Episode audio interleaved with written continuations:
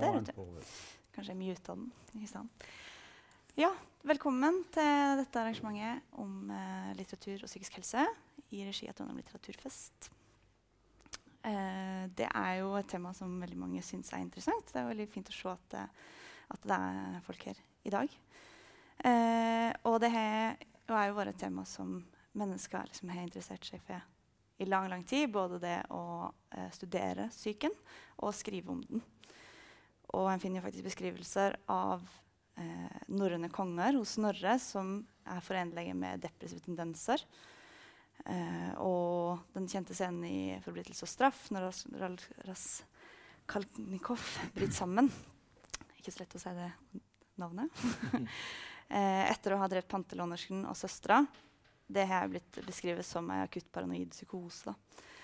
Um, jeg kan si at en fellesskap med de to eh, retningene er jo et forsøk på å prøve å forstå og beskrive mennesket. Både det normale og når eh, sinnet brister. Når det normale går over i sykdom. Eh, Anton Tsjekhov, som i tillegg til å være en veldig viktig novellist og forfatter, òg var lege, skal ha sagt det en gang at medisinen er min lovmessige kone. Litteraturen er min elskerinne. Når jeg blir lei av den ene, så tilbringer jeg natta med den andre. Så på hørsel måte kan egentlig litteraturen tilby noe annet enn det eh, diagnoser og fagspråk kan gjøre i å forstå mennesket. Hva er det, som, hva er det med det å skrive som gjør at det kan kjennes forløsende og befriende, og faktisk er terapeutisk for noen? Før å samtale rundt dette spørsmålet så har jeg fått med meg eh, to personer som har tilnærmet seg det her på eh, forskjellige måter, men med samme interessen i bunnen. Um, jeg har med meg Ole Andreas Underland, som er gründer og konsernsjef i Incita, som er et selskap som tilfri, tilbyr medisinfri behandling til psykiatriske pasienter. Og han må jo kunne kalles en ekte poesientusiast. Det kommer vi til å få møte senere. Og så har jeg med meg Endre Ruseth, som er poet og forfatter, og som ser i debuten i 2001 har gitt ut fire diktsamlinger. I 2014 så kom samlinga 'Elsket og savnet', som er en sterk og intens beretning om en nær venn sitt selvmord og sorgen etter det. Så da kan du godt få begynne med å lese litt. Jeg skal begynne med å lese et dikt. Jeg går rett på sak. September. Du velter et glass melk utover kjøkkenbordet. Oktober. Vi sitter i baksetet i en sølvgrå Honda Civic og skriver navnene våre i dugget på bilvinduene. November. Du står alene i oppkjørselen i regnet under en paraply. Desember. Jeg runder alle spillene på Nintendo 8-bits-maskinen din. Januar. De gjenglemte hanskene dine på hattehylla med varmen fra hendene fortsatt i fòret. Februar. Jeg fester en hårspenne i håret ditt. Mars. Rydder ut av klesskapet. Sko, jakker, bukser. April. Du gjemmer deg bak vaskemaskina, holder hendene for munnen, vil ikke hoste opp svarte kaniner, mai. Kroppen din krittes opp, og jeg hopper paradis, juni. Du får hjernerystelse mens vi slåss i det tomme svømmebassenget. Juli. Bassenget fylles med vann. August. Urnen din kommer ikke fram i tide. Vi holder minnestunden. Likevel, september. Du våkner med et trykk fra kjøkkenbordet. Tusen takk. Vær så god. Her er det jo eh, et helt år som Ja. egentlig blir liksom fortetta inn i en ganske konsis tekst om Mm. alt som, både det som er der, og det som er borte. Mm. Snakk litt lavt. Fint å si ifra. Eh, vil du si noe om Ja, det kan, godt, brukte eh, det kan jeg godt gjøre. Denne boka her ble jo skrevet det var, Jeg hadde en veldig god venn som da døde eh, på veldig brutalt vis. Mm. Eh, og han, eh, han hater egentlig dikt. Og han syntes det var helt forferdelig tullete at jeg skrev dikt. Eh, og han syntes at eh, Nei, disse metaforene forsto han seg ikke på. Nei. Men han var veldig nær venn, og da han døde, så bestemte jeg meg for at jeg skulle prøve å skrive ei bok uten metaforer. For metaforer var liksom min styrke, da, trodde jeg. Han mente bare det var bare tull. Jeg måtte bare legge av meg. Da Så da tenkte jeg at det er ære for han skulle prøve å skrive en slags uh, bok der jeg på en måte var frarøva mitt viktigste virkemiddel, slik at på en måte boka måtte skrives nesten som på befaling e-, etter en regel. Da, der liksom alt det jeg var best på, fikk ikke lov å bruke. Eh, og grunnen til at jeg skrev det diktet her, det er jo ett år. Og det er jo ofte sånn et, et, en sorg varer jo ofte et veldig intens sorg varer jo ofte et år. Tror jeg, i hvert fall. Mm. Eh, og her var det liksom minner om ting som vi hadde opplevd sammen, som vi på en måte skrev inn. Egentlig ikke kronologisk, for det var minner som på en måte, i hulter og bulter, men det var liksom små detaljer. da. Mm. Som å sitte i baksetet av en bil og skrive navnet sitt i Doggy, eller øh, og, og, se denne personen stå i en oppkjørsel. Så det var bare, egentlig bare en hulter i minner. Men grunnen til at øh, den begynner på en måte å slutte på samme sted, det er jo litt fordi at liksom, sorgen går liksom i sirkel, og så man blir liksom aldri ferdig med den. Og den henger på en måte ikke helt sammen. For når man mister noen som man er glad i, eller så mister man jo også ofte seg sjøl. Mm.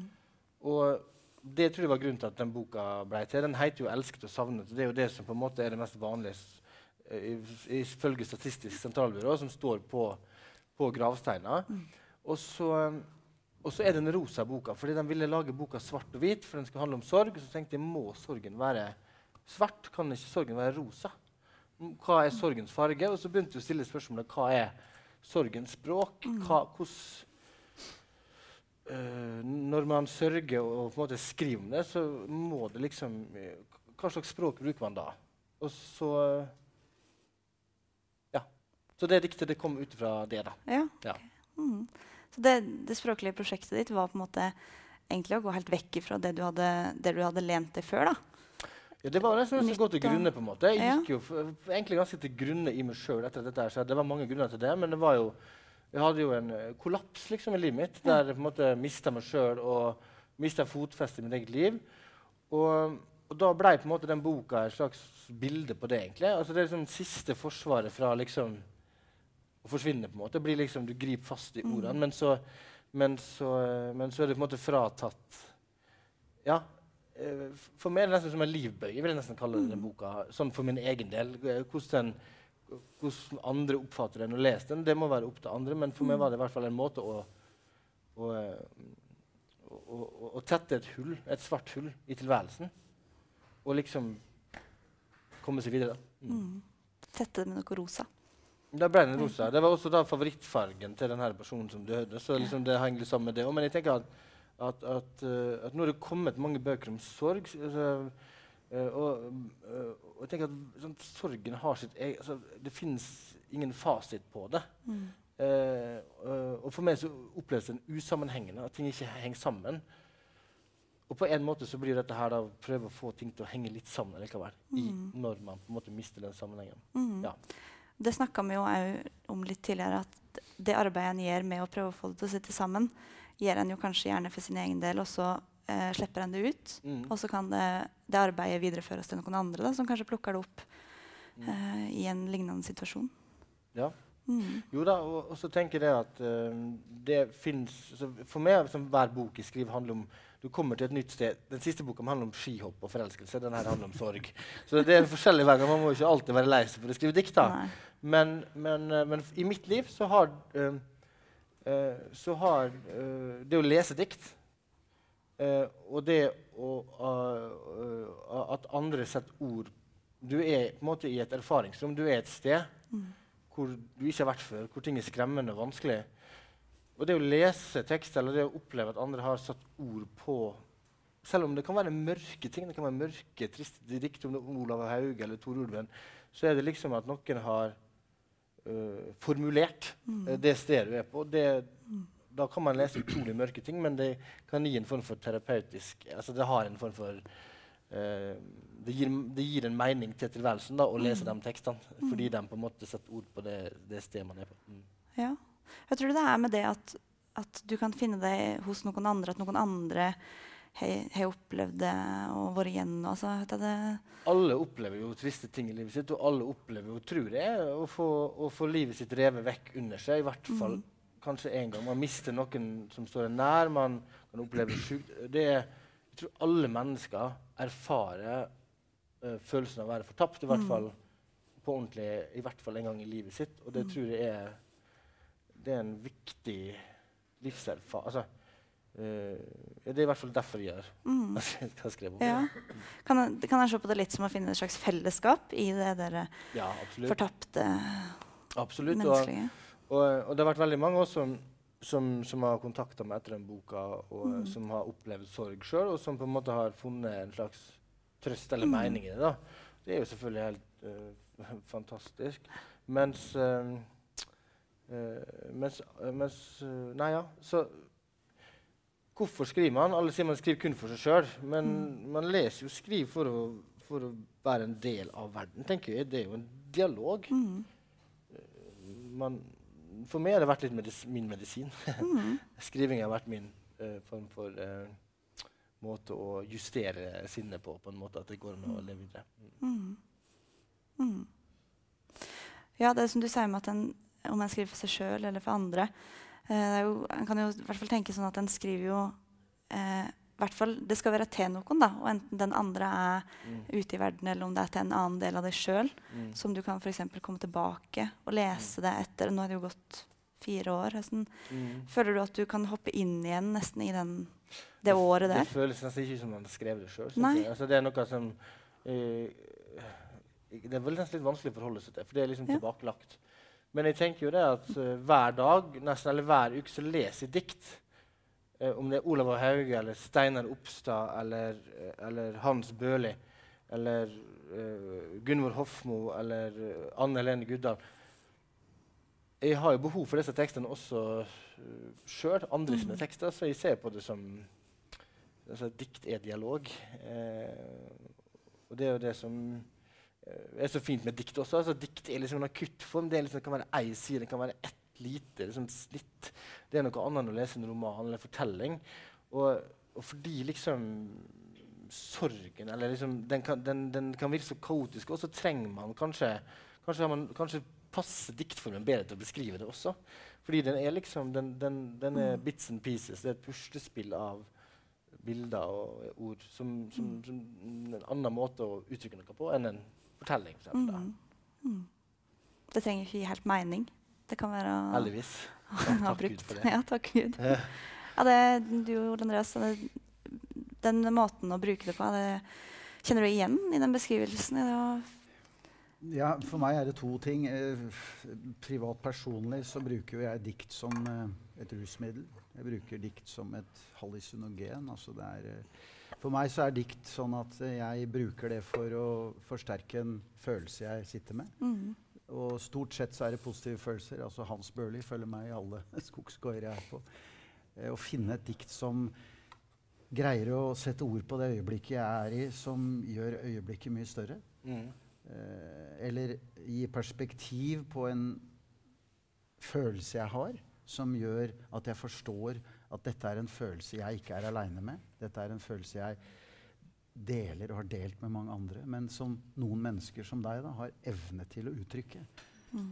Eh, Burley ble vel spurt om det var vanskelig å skrive dikt, og da sa han vel noe sånn Du kan jo prøve å sette vinger på en stein. Ja.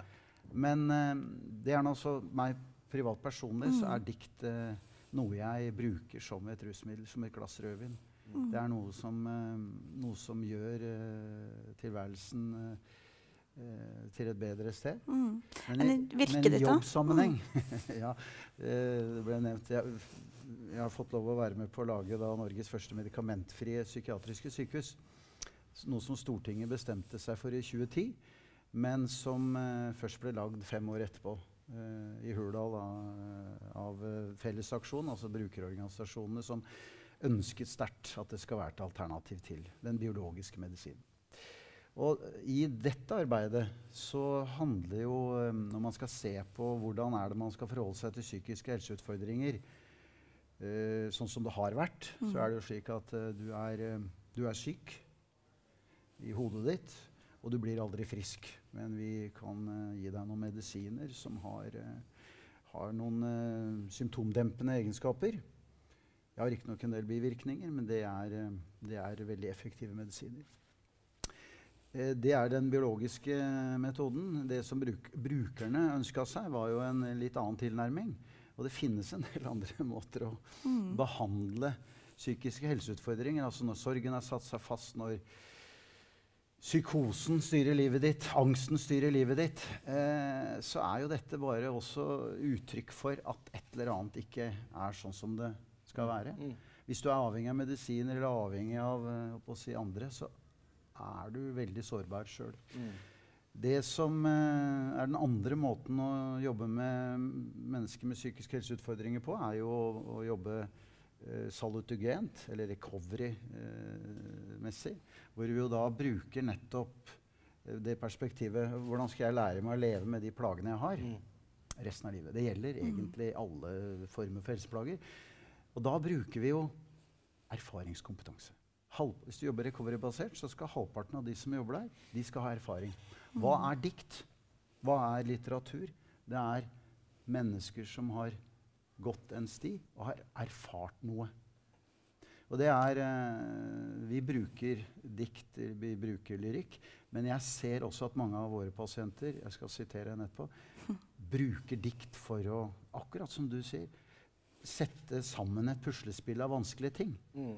til noe som gir mening for deg sjøl, men i og med at det gir mening for deg Vi er jo alle mennesker. Vi har alle disse eksistensielle spørsmålene. Så blir det også noe som gir håp Mm. for andre som har det vanskelig. Mm. Jeg legger merke til bare i måten du eh, snakker om det. Du bruker jo språk òg med å formidle det her. Så snakker du jo på en annen måte enn den her sykdomsmodellen. Da. Altså at det patogene, Du skal fjerne en sykdom, men du snakker heller om å bygge opp en erfaring og en, en måte å mestre livet på. Da. Det er jo en sånn kvalitativ forskjell i språket der. Ja, ja, det er jo det. Altså, patogenesen står på hvordan skal Altså syk-frisk. mm, Hvis du ser på det som er uh, utfordringen med igjen i samfunnet, er jo livsstilsrelaterte sykdommer. Bl.a. psykiske helseutfordringer. Vi kan ikke snakke om sjuk-frisk. Det passer ikke. Altså sjuk-frisk. Det handler om Alle feiler jo altså, alle feiler jo oss et eller annet. Mm. Eh, vi kan ikke gå rundt og definere noen som friske og noen som sjuke. mm, Po poenget er hvordan skal jeg mestre livet? Mm. Eh, altså Hadde vi vært sjuke, så hadde vi jo ikke levd til vi var over 80 år. for å si det sånn. I Uganda er fortsatt gjennomsnittlig levetid på 42. Så hadde vi, men, men vi har mye problemer. Det har vi. Mm. Vi har altså relativt stabile selvmord i, i, i, Norge. Men vi har en dramatisk økning blant de helt unge. Ja. Hvorfor det? mm. Hvorfor det? Altså Vi har aldri hatt mindre eh, grunn til å være lei oss. Vi har aldri Mm. hatt mindre nød og fattigdom. Men vi har altså en, en eller annen nød og fattigdom i forhold til å lære unge mennesker at. Det er faktisk mulig å leve videre med kjærlighetssorg. Det er faktisk mulig å leve videre selv om du tror at livet er uh, håpløst her og nå. Absolutt.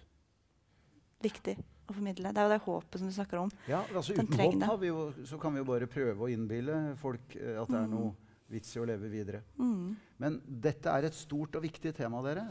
Annenhver dag så tar et menneske livet av seg mens han er innlagt i spesialisthelsetjenesten.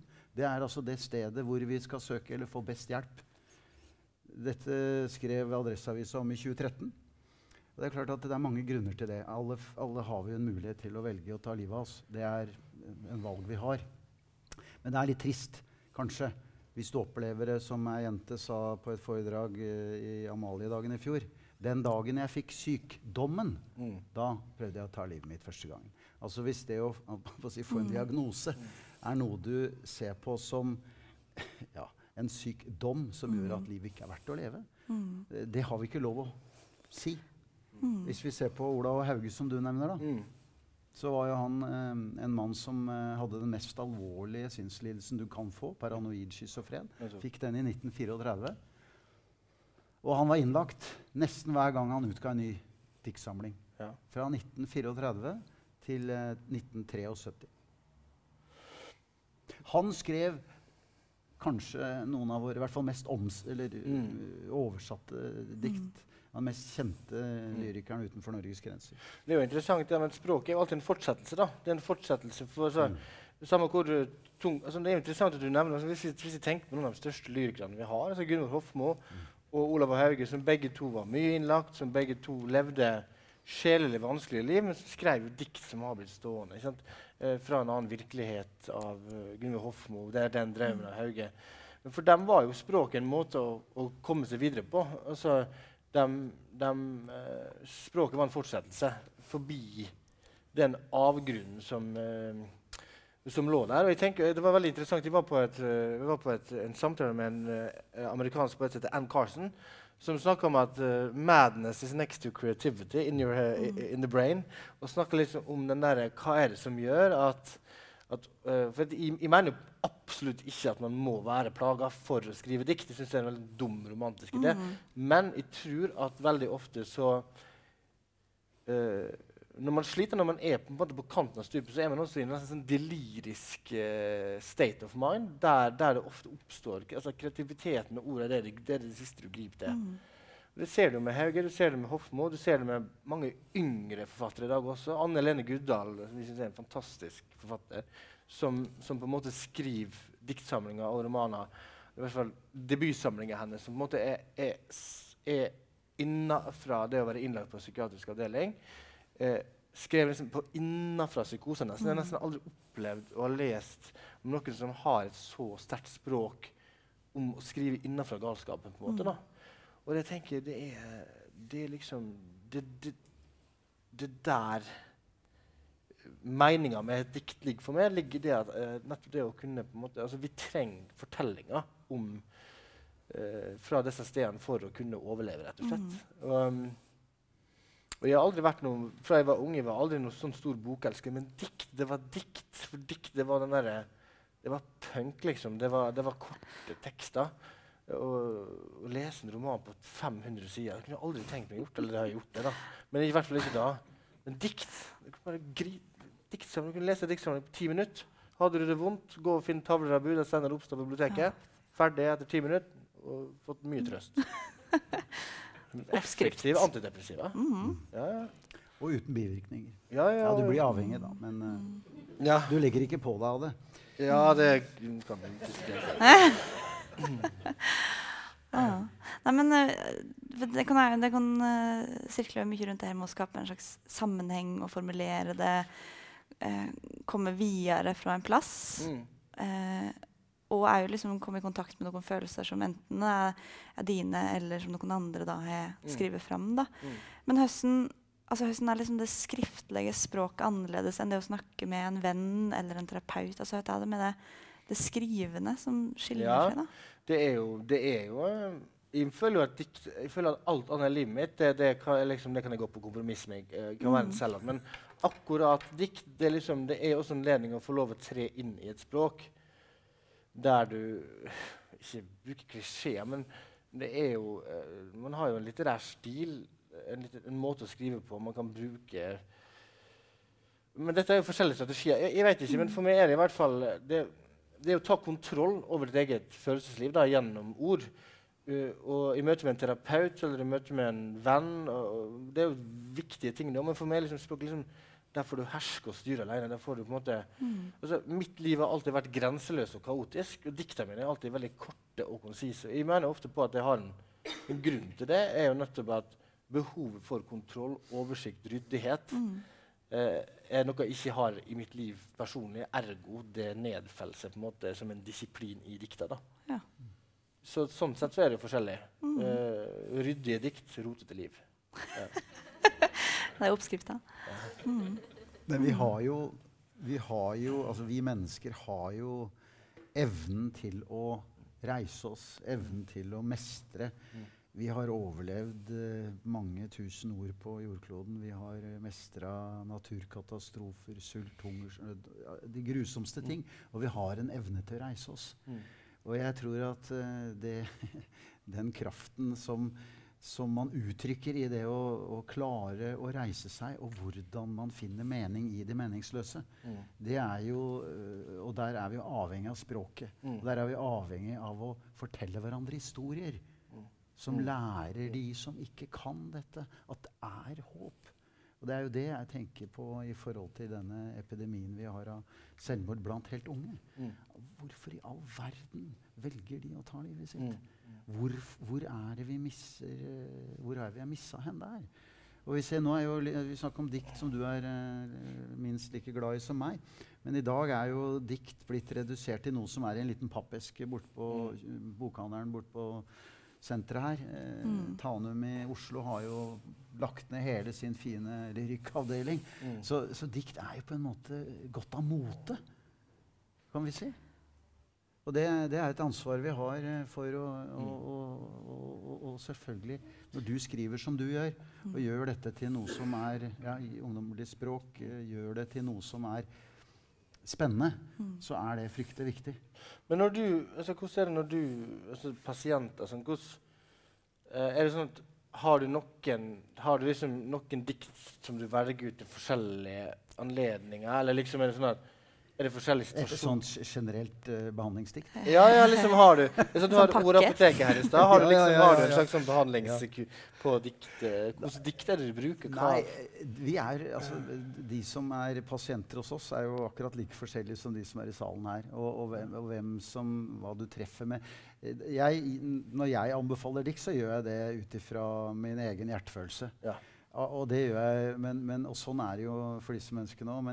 For jeg velger dikt som jeg tenker passer. Mm. Men vi har et eget diktrom Mm. i sykehuset. Et lyrikkrom. Ja. Uh, for det er viktig. Vi må ha, og, det å ha et uh, lyrikkrom, det anbefaler jeg alle å ha. Hvordan ser det ut, det rommet? Det Nei, det, er, det var tidligere et uh, andaktsrom, men uh, det, det var de som drev der før. Så nå er det et lyrikkrom. Det er et stillerom, eh, samme hvor, vi har, hvor vi har alle de si, kjente og kjære. Men hvis vi skal si um, et dikt som jeg, uh, som jeg eh, siterer mye, da, Ja. i forhold til en recovery-tankegang Dere er vel her for å høre litt eh, Ja. dikt også. Så er det jo en annen Takk. kar som har skrevet om selvmord, Kolbein Falkeid Mm.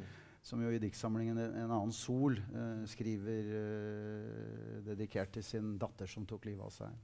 Men han har skrevet et dikt som heter 'Hvor hadde vi det ifra?' Og det går sånn. Men hvem sa at dagene våre skulle være gratis? At de skulle snurre rundt på lykkehjulet i hjertet vårt og hver kveld stoppe på gevinst? Hvem sa det? Hvor hadde vi det fra? Hvem sa at livet vårt skulle være lett å bygge ferdig? At mursteinene var firkantede ballonger som føk på plass av seg selv. Ja, hvem sa det? Hvor hadde vi det fra? Og så kommer det som jo er veldig viktig for oss. da. Det var piller for alt. Nerver, vedvarende hoste og anemi. Men hvem sa at snarveiene støtt var kjørbare? At fjellovergangene aldri snødde til, og at nettopp vi skulle slippe å stå fast i tunnelen? Ja, hvem sa det? Hvor i all verden hadde vi det ifra? Og det handler jo om eh, en kunnskap om og en tanke om hva som er realiteten. For går du i dag med tunge tanker og føler deg utafor og er 14 år gammel jente og går til doktoren, så risikerer du å få antidepressiva, et psykoaktivt stoff som er avhengighetsskapende, og som ikke skal gis til, eh, til eh, hjerner under uh, vekst og utvikling. Men det er sånn det er blitt. Mm. Men i stedet kan en, som du da mener, skape den, eh, gi det håpet og skape mening og en tro på at en sjøl har Ja, noen verktøy en kan bruke. da. eh, altså, det eneste som er sikkert, det er at vi kommer til å oppleve sorg. Vi kommer til å oppleve fæle ting. Vi kommer til å miste noen. Vi kommer til å være utsatt for prøvelser. Eh, Det er jo ikke gitt at unge mennesker er budd for det. Nå er jo lefsmestring kommet inn som et fag i skolen. Det tror jeg er veldig viktig. Mm. Men, men det er noe med hvordan noen må ha gått veien foran oss. Og, og, og hvor er den kunnskapen hen? Hvor er den kunnskapen hen når unge mennesker trenger det i dag? Mm. Men uh, bare, kan jeg, stille, jeg har lyst til å stille det et spørsmål, hvis jeg får lov, selv om du ordstyrer. Det det Du du har jo også skrevet om Ikke sant? en veldig fin diktsamling uh, som på en måte kretser om en slags tapserfaring.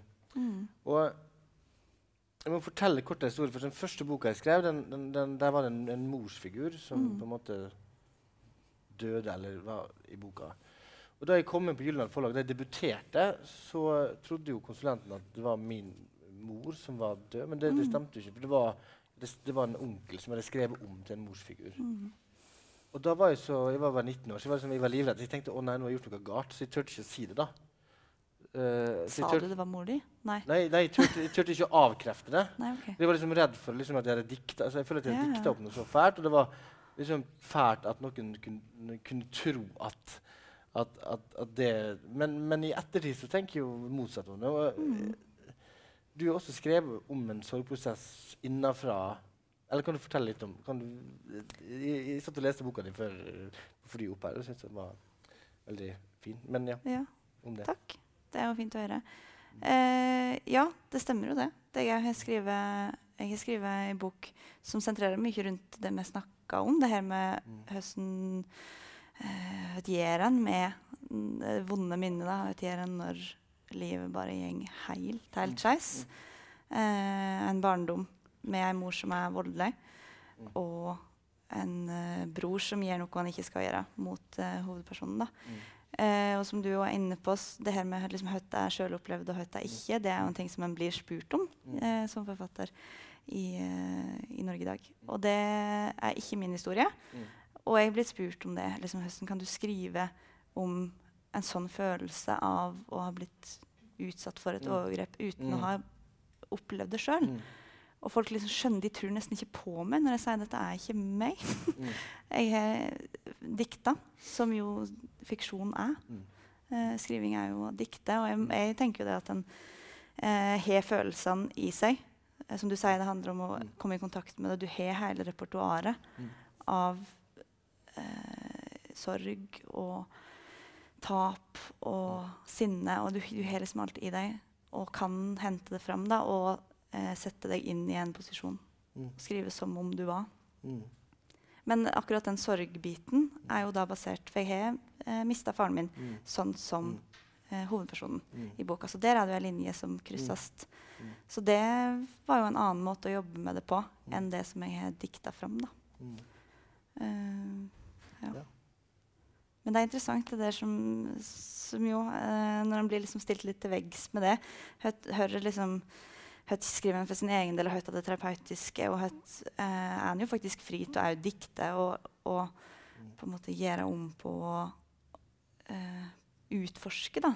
Mm. Utforske liksom hva livet kan by på. Mm. Eh, ja.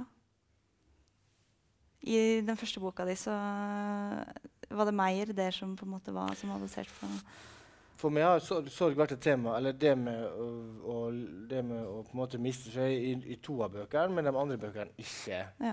Og det mener jeg at hver bok så kommer du til et nytt sted. Altså, hvis det var sånn at du skulle skrive som forfatter den samme boka om og om igjen, så med det samme temaet fordi det er det du kan skrive om, så Mm. føler jeg det er feil. Så for meg er hver bok en utforskning. Det er derfor den ene boka handler om et dødsfall til en nerve, den andre handler om skihopperen Noriaki Kasai, den tredje om uh, Utøya. Altså, bøkene uh, altså, hver, hver bok du skriver Du skriver jo en bok for å finne ut av noe, for å Mm. lære noe, for å dykke inn i noe nytt. Mm. Og, men for meg har jo disse altså, Dikt da, på en måte, det er jo nettopp det at når du, når du er på et sted i livet ditt der det brenner, så har du kanskje bedre muligheten til å formidle noe. For det, det er et sted du ikke så veldig ofte er på. ikke sant? Det er et Mhm. sted du kommer ned Du vil ikke være der. Uh, og, og det tenker jeg at det er jo det som skiller en så Man kan skrive dikt terapeutisk for seg sjøl, og dikta kan ha en terapeutisk, eller den kan ha en verdi for andre. Og det er jo det som, det er jo der skillet går. For hva for hvis tekst, så Tekstene skal jo kunne gi leseren noe også. Mm. Og ja Jeg vet ikke om det ga mening, men det var det, var det jeg hadde å si. Ja. Det er ikke alltid det henger sammen eller gir mening, men det er litt fint. Men uh, nå har vi jo snakka mye om det fine og liksom kraftige en kan oppleve i møte med, med språk og litteratur og det å kjenne seg igjen. Og sånn, men opplever dere noen gang at språket rett og slett ikke strekker til? Det dekker det ikke. Det er ikke mulig å, å fange denne følelsen eller opplevelsen på en riktig måte? Jeg, nei, jeg tror ikke det. Altså, jeg, jeg, jeg har eh, opplevd å miste broren min i selvmord. Jeg har opplevd å miste en uh, bestekompis i en trafikkulykke. Jeg har, eh, jeg har kjent på sorg og smerte og savn og men, men du spurte om jeg hadde skrevet dikt. Det har jeg ikke Mhm. gjort, sa jeg. Men jeg har skrevet noen jævlig gode begravelsestaler. Ja. Men da har jeg også brukt dikt. Men eh, det er jo på samme måte det har vært for meg. Når uh, bestekameraten min Trygve døde, så satte jeg meg ned og skrev, eller lå jeg faktisk på sofaen og skrev eh, minneord til han Mm. eh, mens det var helt ferskt. Mm. Eh, og det er på en måte et slags dikt. Men det, og det, det, er, altså det er som du sier, det der å fordøye, Mm. det å skrive noe ned, det å lese noe om hva andre har Mm. fordøyd, men som du selv kjenner igjen dine egne følelser i. Det er det som er, Mm. er eh, det fine med, med og, og, det finnes alltid et ord. Mm. Det gjør det. Altså Mm. noen, ting er, noen ganger er jo smerten sånn at du er jo ikke til å holde ut. Mm. Det er greit. Men, men vi er igjen som mennesker i stand til å tåle det utholdelige. Mm. Og det er noe med at Mm. det må vi gjøre. Det er, eh, det er, eh, det er sånn det er. Mm. Og alternativet er egentlig ganske feigt. Mm. Ja, eh, jeg har jo ikke, ikke bare skrevet egne dikt, men jeg har mye diktkurs for er mye i fengsel og har for innsatte i fengsel. Jeg har mye Ja. kurs med dem der vi skriver. Jeg har, er på psykiatriske sykehus, skrivekurs på sykehus.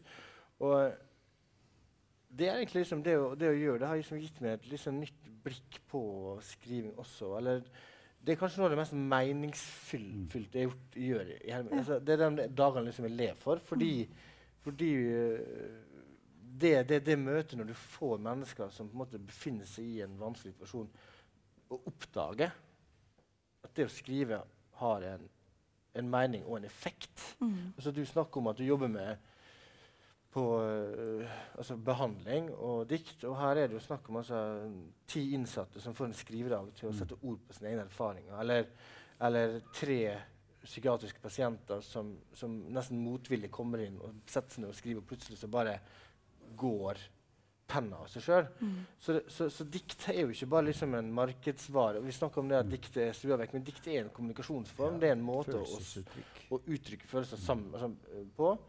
Eh, så det med bruks, diktet har en uh, bruksverdi da, som Mm. faller litt under radaren hvis man kun definerer dikt sånn i forhold til, til, til salgs. Men diktet lever i veldig stor grad på mange plattformer. Og å bruke diktformen sånn for å, eh, i sånne typer settinger, det mener man i hvert fall har en terapeutisk effekt. virker det som da. Hva slags tilbakemeldinger eller erfaringer altså, de du har slike kurs for? Du sier det ikke er motvillig inn, men det skjer eh, der inne? Ja, det kommer jo veldig mange bra tekster der. Jeg har jo no noen av dem trykker vi i spalta mi i Klassekampen Poetisk praksis. Jeg spør om lov for å få gjøre det. Mm. Så det kommer noen uh, innsatte dikt der, der nå. Men, uh, men uh, jeg har et eksempel som, som ikke jeg sjøl Mitt eget kurs men min far har også skrivekurs. Og han har starta skrivekurs for demente. Eh, og der var det ei dame som skrev et fantastisk dikt som heter 'Orrhøna og ferga'. Som handla om at da hun var lita, så var det ei orrhøne som for fram og tilbake på ferga der hun bodde. Men nå var det bygd tunnel. Og den, det er den kanskje beste diktet som er skrevet på norsk. tror jeg da. Eh, og da far min leste diktet for henne, så begynte hun å gråte. Og så spurte hun hvem i all verden er det som har skrevet noe så flott. Oi.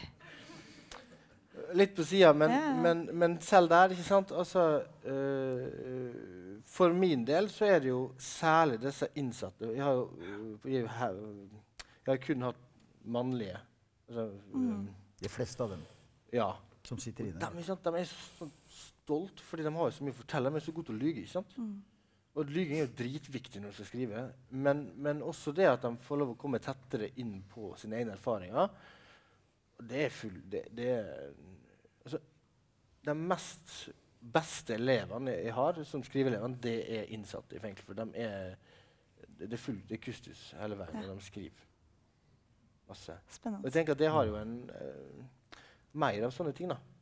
Mm. Det er veldig mm, artig at du sier, fordi at eh, når vi ser på den mest, altså, behandlingsformen hos oss heter IMR, Illness Management and Recovery, og der skriver uh, pasienten sitt eget tilfriskningsmål. Og det er jo som du sier, det er, en, det, er, det er å uttrykke hvor jeg vil hen. Og det er, jo, det er jo på mange måter det man gjør Mm. når man skriver sin egen historie i et dikt. Mm. Og det er forferdelig viktig, for hvis ikke vi sjøl skal skrive den historien, så legger vi skjebnen vår i andres hender. Mm. Og da er eh, sjansen for at det blir noe helt annet enn det du egentlig vil sjøl. Mm. Har du et til du vil lese, kanskje? Kunne avslutte med å lese et dikt, men jeg vet ikke hva, hva klokka er nå. hva vi, vi er på... Men kan jeg åpne opp for litt uh, spørsmål. Hvis det er noen som Ja, det kan vi er- heller gjøre. Ja. Ja. Og så kan vi avslutte med et dikt etterpå. Ja, ja. ja. Er det noen som har noe de tenker på?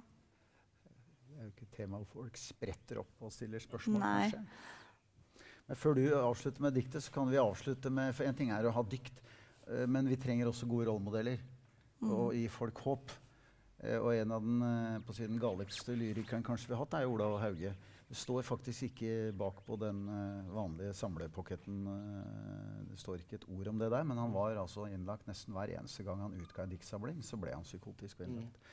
Han var, han var da gjennom asylet, han var gjennom all sjokkbehandlingen med insulin, varme og kalde bad, han var gjennom elektrosjokk.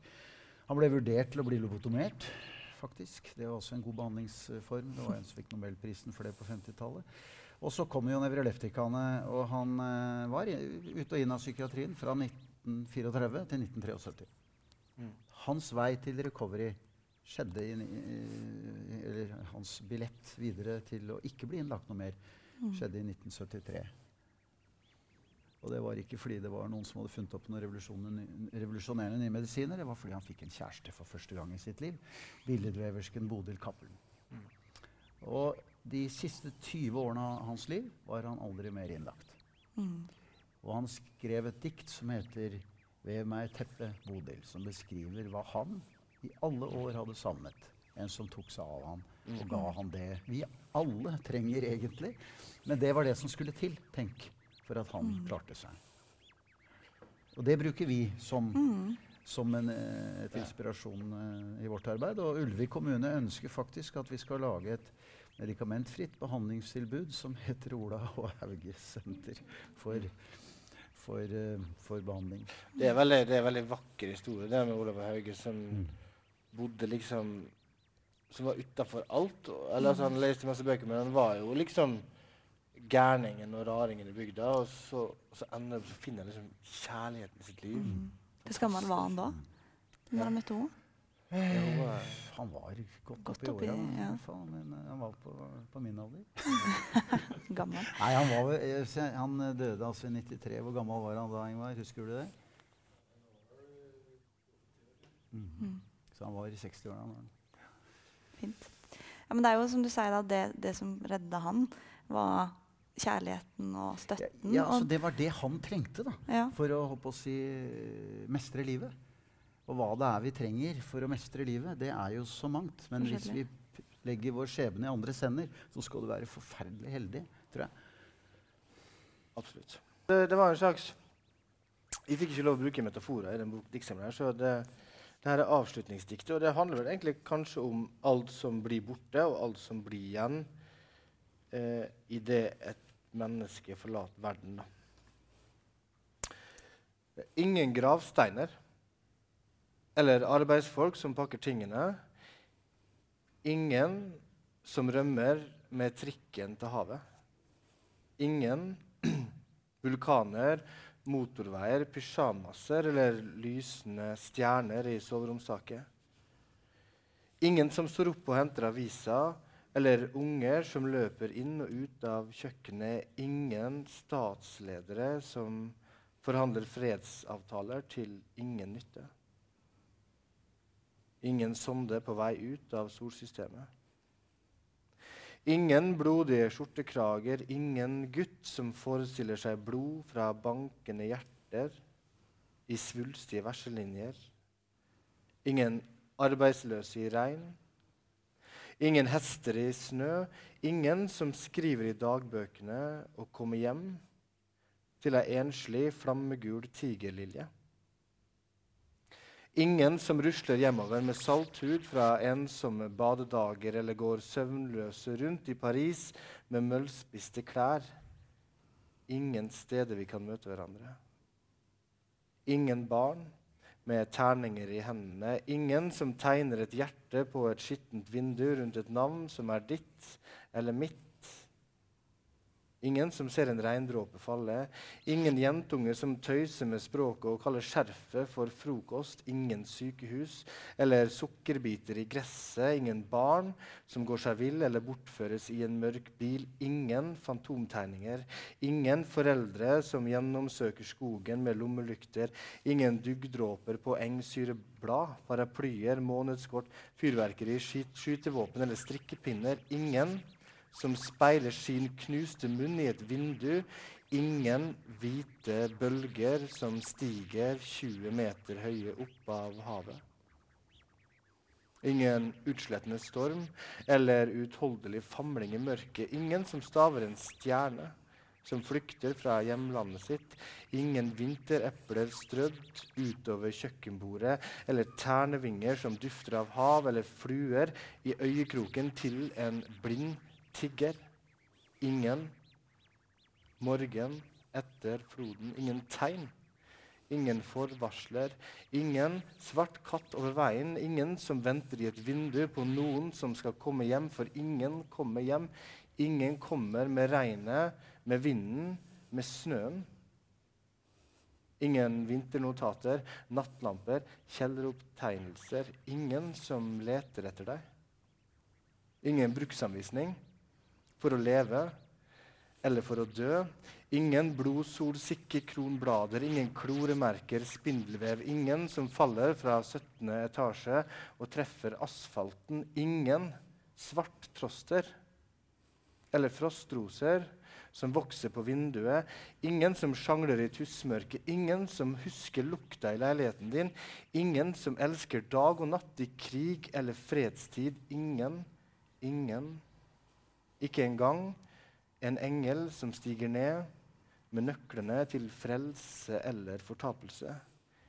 Ingen som dør av hjertesorg eller uhemmet slynger sin kropp inn i en annens verden, for det er ingen annen verden, og sorgen har ingen benk å sitte på.